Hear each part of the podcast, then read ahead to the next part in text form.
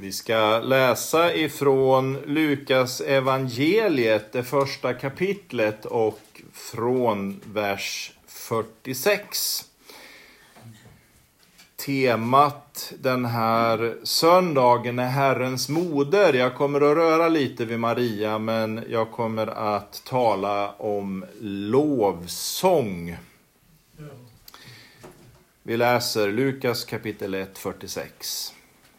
Då sa Maria, min själ prisar Herren och min ande glädjer sig i Gud min frälsare. Ty han har sett till sin tjänarinnas ringhet. Och se, härefter skall alla släkten prisa mig salig. Stora ting har den mäktige gjort med mig och heligt är hans namn.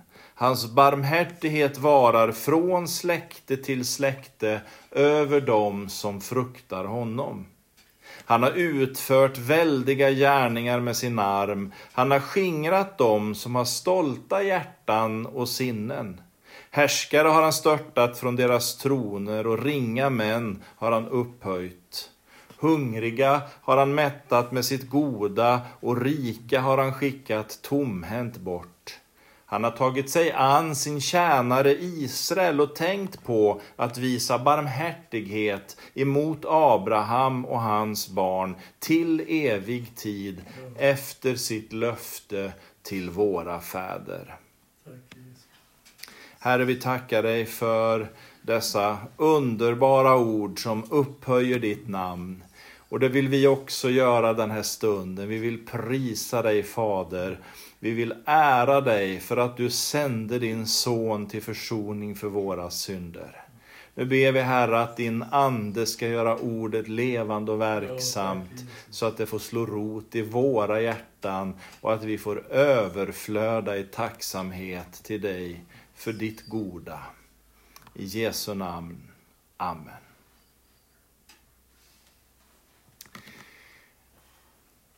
Ja, det här med lovsång är ju lite känsligt eh, om man pratar om det, därför att det skapar ju så mycket känslor och tankar.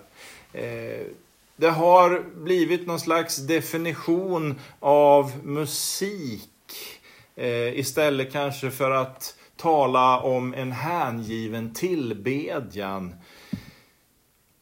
och det här fastnar vi lätt i och så ser vi att det har ju faktiskt egentligen inte alls med musik att göra. Att lovsjunga Gud handlar om precis det Maria gör i den här texten. Att upphöja honom, att ära Gud och prisa hans namn.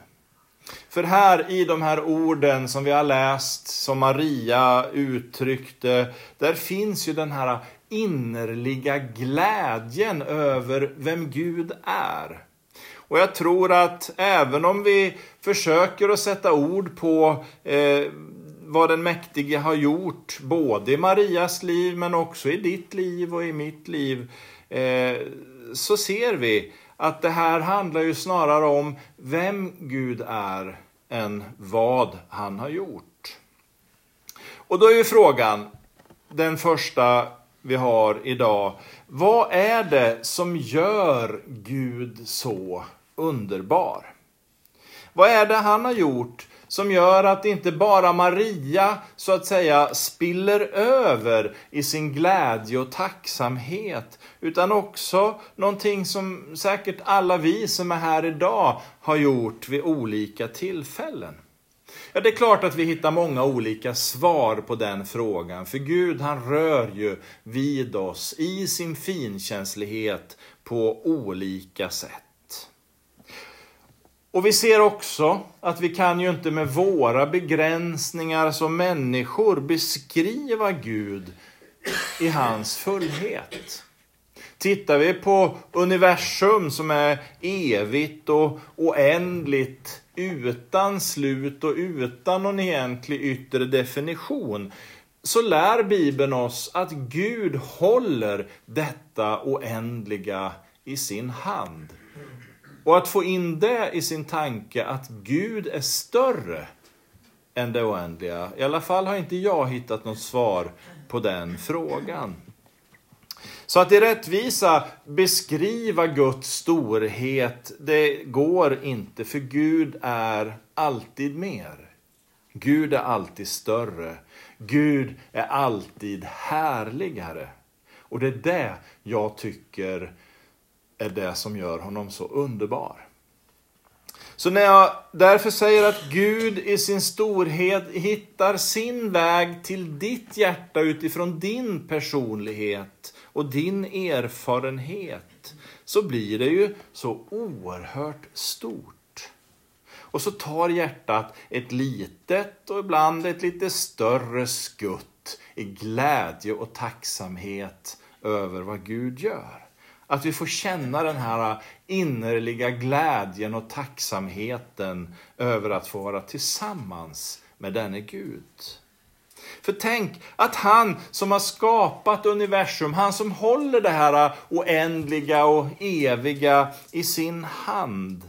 Han som är långt mycket större. Han ser genom stjärnevärlden och genom rymden ner till det här jordklotet som du och jag lever på.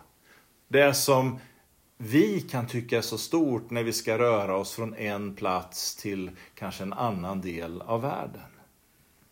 Men han ser ju inte bara det här jordklotet han ser ju dig och mig som vandrar på det här jordklotet. Vi som uppenbarligen är oförmögna att skapa ordning i politiskt kaos. Och även om det finns kloka kvinnor och män som uppfinner de mest fantastiska saker så finns det ändå begränsningar för oss. Ändå ser Gud oss. Och Jesus säger ju att han till och med vet hur många hårstrån vi har på våra huvuden. Så när vi nu samlas här för att fira advent ännu en gång så förbereder vi oss för julens budskap och vi stämmer in i Marias glädje, i hennes tacksamhet över att den oändlige guden valde att komma till vår värld, att bli som en av oss. Han kom för att ta itu med just det som våra begränsningar hindrar oss från. Han tar itu med sjukdomar och misslyckanden. Den makt som reser sig som en ogenomtränglig mur emellan oss och Gud, den kommer han för att övervinna när han triumferar fullkomlig och helig på korset. Dömd till döden trots att han är Guds son och inne eller bär i sig Guds fullhet. Det är stort. Och det föder en tacksamhet, i alla fall i mitt hjärta. Och det är grunden för en lovsång som upphöjer hans namn. För tänk att den synd som vi alla bär på, här kommer ju ingen av oss undan. Den synden som faktiskt betyder att vi egentligen inte förtjänar någonting annat än död. Den synden väljer Gud att ta itu med för att vi ska slippa att dö. Han dömer oss i Jesus Kristus. Gud förlåter och Gud förvandlar när vi är beredda att omvända oss. Titta tittar vi oss omkring här i vår tid så ser vi att kanske en av de mest utbredda föreställningarna, jag skulle nästan kunna säga religionerna här i Sverige, det är ju tron på att livet är en slump. Tillvaron råkade bli till. Ingenting har egentligen någon djupare mening där, inte ens livet. Därför kan man i Sverige utan att skämmas abortera mer än 30 000 barn varje år. För det som betyder något är människans egen vilja. Man kan fortfarande utan att skämmas höra hur allt fler talar om att rätten att utsläcka liv med assistans accepteras. Och så ser vi på område efter område att människors tankar reser sig emot den grundläggande helighet som livet bär på. Att livet är den dyraste gåva som Gud har skänkt till människorna.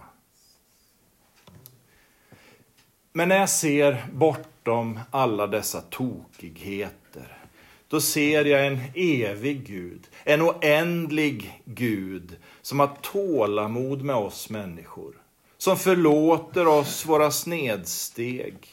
Han förstår att vi behöver hjälp som människor.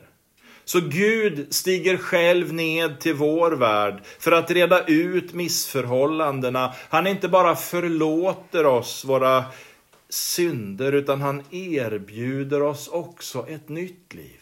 Han erbjuder oss ett förvandlat liv.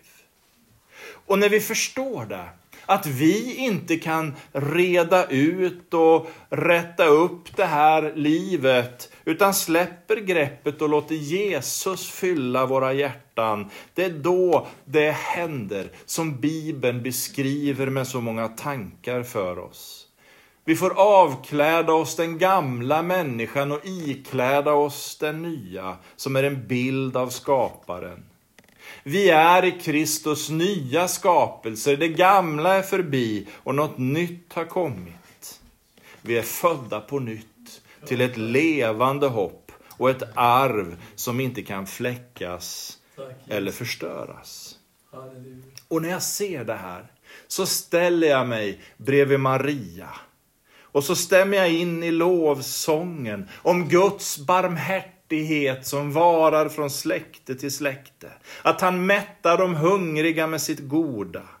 Att han låter oss få uppleva allt det här som han i sin generositet vill överskölja oss med. Kärleken, nåden, barmhärtigheten, godheten. Och min tacksamhet vet ingen gräns.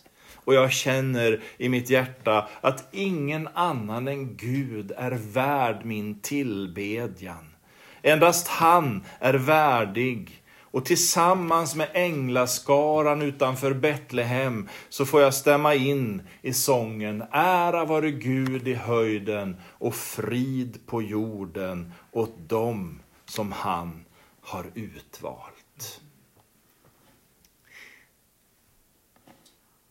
Där inser jag plötsligt att det inte alls är som man ofta förkunnat idag, att människan bara är ett djur ibland andra djur. Människan för vilken Jesus har dött får ett värde. Ett obeskrivligt högt värde.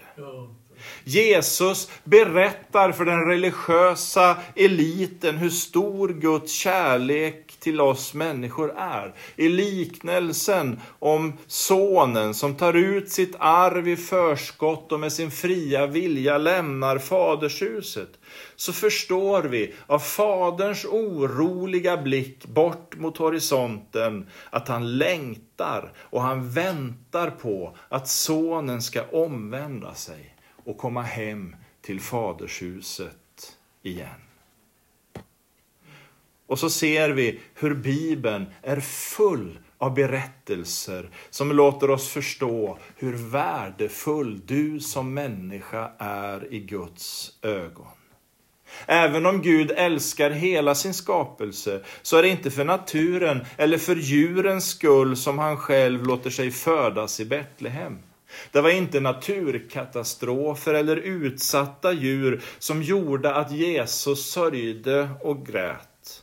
Det står att det var när han såg folkskarorna, när han såg människorna, som han förbarmade sig över dem. Jesus gav upp allt sitt eget. Han lämnade sin tron av kristall, som vi sjunger i en adventssång. Han offrade sitt eget liv av den enda anledningen att ditt liv, att mitt liv är mer värt i hans ögon än allt annat. Och när jag ser det, Och när jag anar vad vi människor betyder för Gud, vilket pris han har betalat för att friköpa oss, ja då berörs mitt hjärta av en sådan tacksamhet och glädje att jag kan inte annat än tala om för Gud hur mycket jag älskar honom.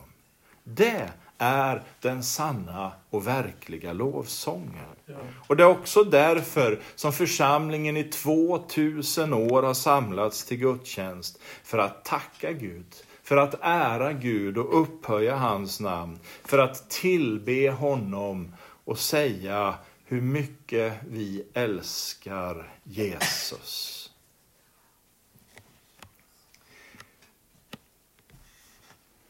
Nu är det bara några få dagar kvar, de sista skälvande timmarna innan vi på nytt möter de där juldagarna. Vi får läsa texterna om Jesu födelse och vi tackar Gud för Maria som lyssnade till ängens ord och gensvarade på Guds kallelse. Tillsammans med Maria så får vi tänka på alla de oräkneliga män och kvinnor som genom historien har valt att lyssna till Gud och följa honom. Men över allt detta ser vi på Jesus som utgav sig själv genom att anta en tjänares gestalt då han blev människa. Han som till det yttre var, var som en människa, ödmjukade sig och blev lydig ända till döden, döden på korset.